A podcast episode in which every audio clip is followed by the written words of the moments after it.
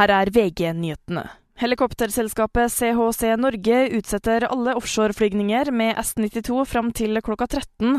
Redningsoppdrag blir likevel gjennomført som normalt. I Gaza by skal minst 50 være drept og 250 såret i et israelsk angrep mens de ventet på nødhjelp. Det sier lederen for barneavdelingen ved Shifa-sykehuset til Al Jazeera. Det er gjort funn av levninger i huset som brant i Åsane, det melder Bergens Tidende. Tre personer er omkommet etter å ha blitt påkjørt av et godstog i Ørebro i Sverige. Ulykken skjedde inne på et stasjonsområde i går kveld. Det er uklart hvorfor de tre befant seg i sporet.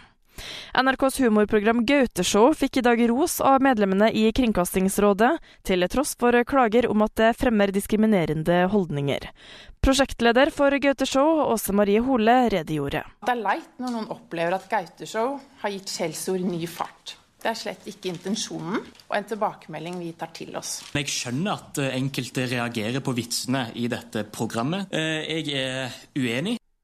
Det sa rådsmedlem Lukman Wadud. I studio Miriam Alsvik, nyhetene får du alltid på VG.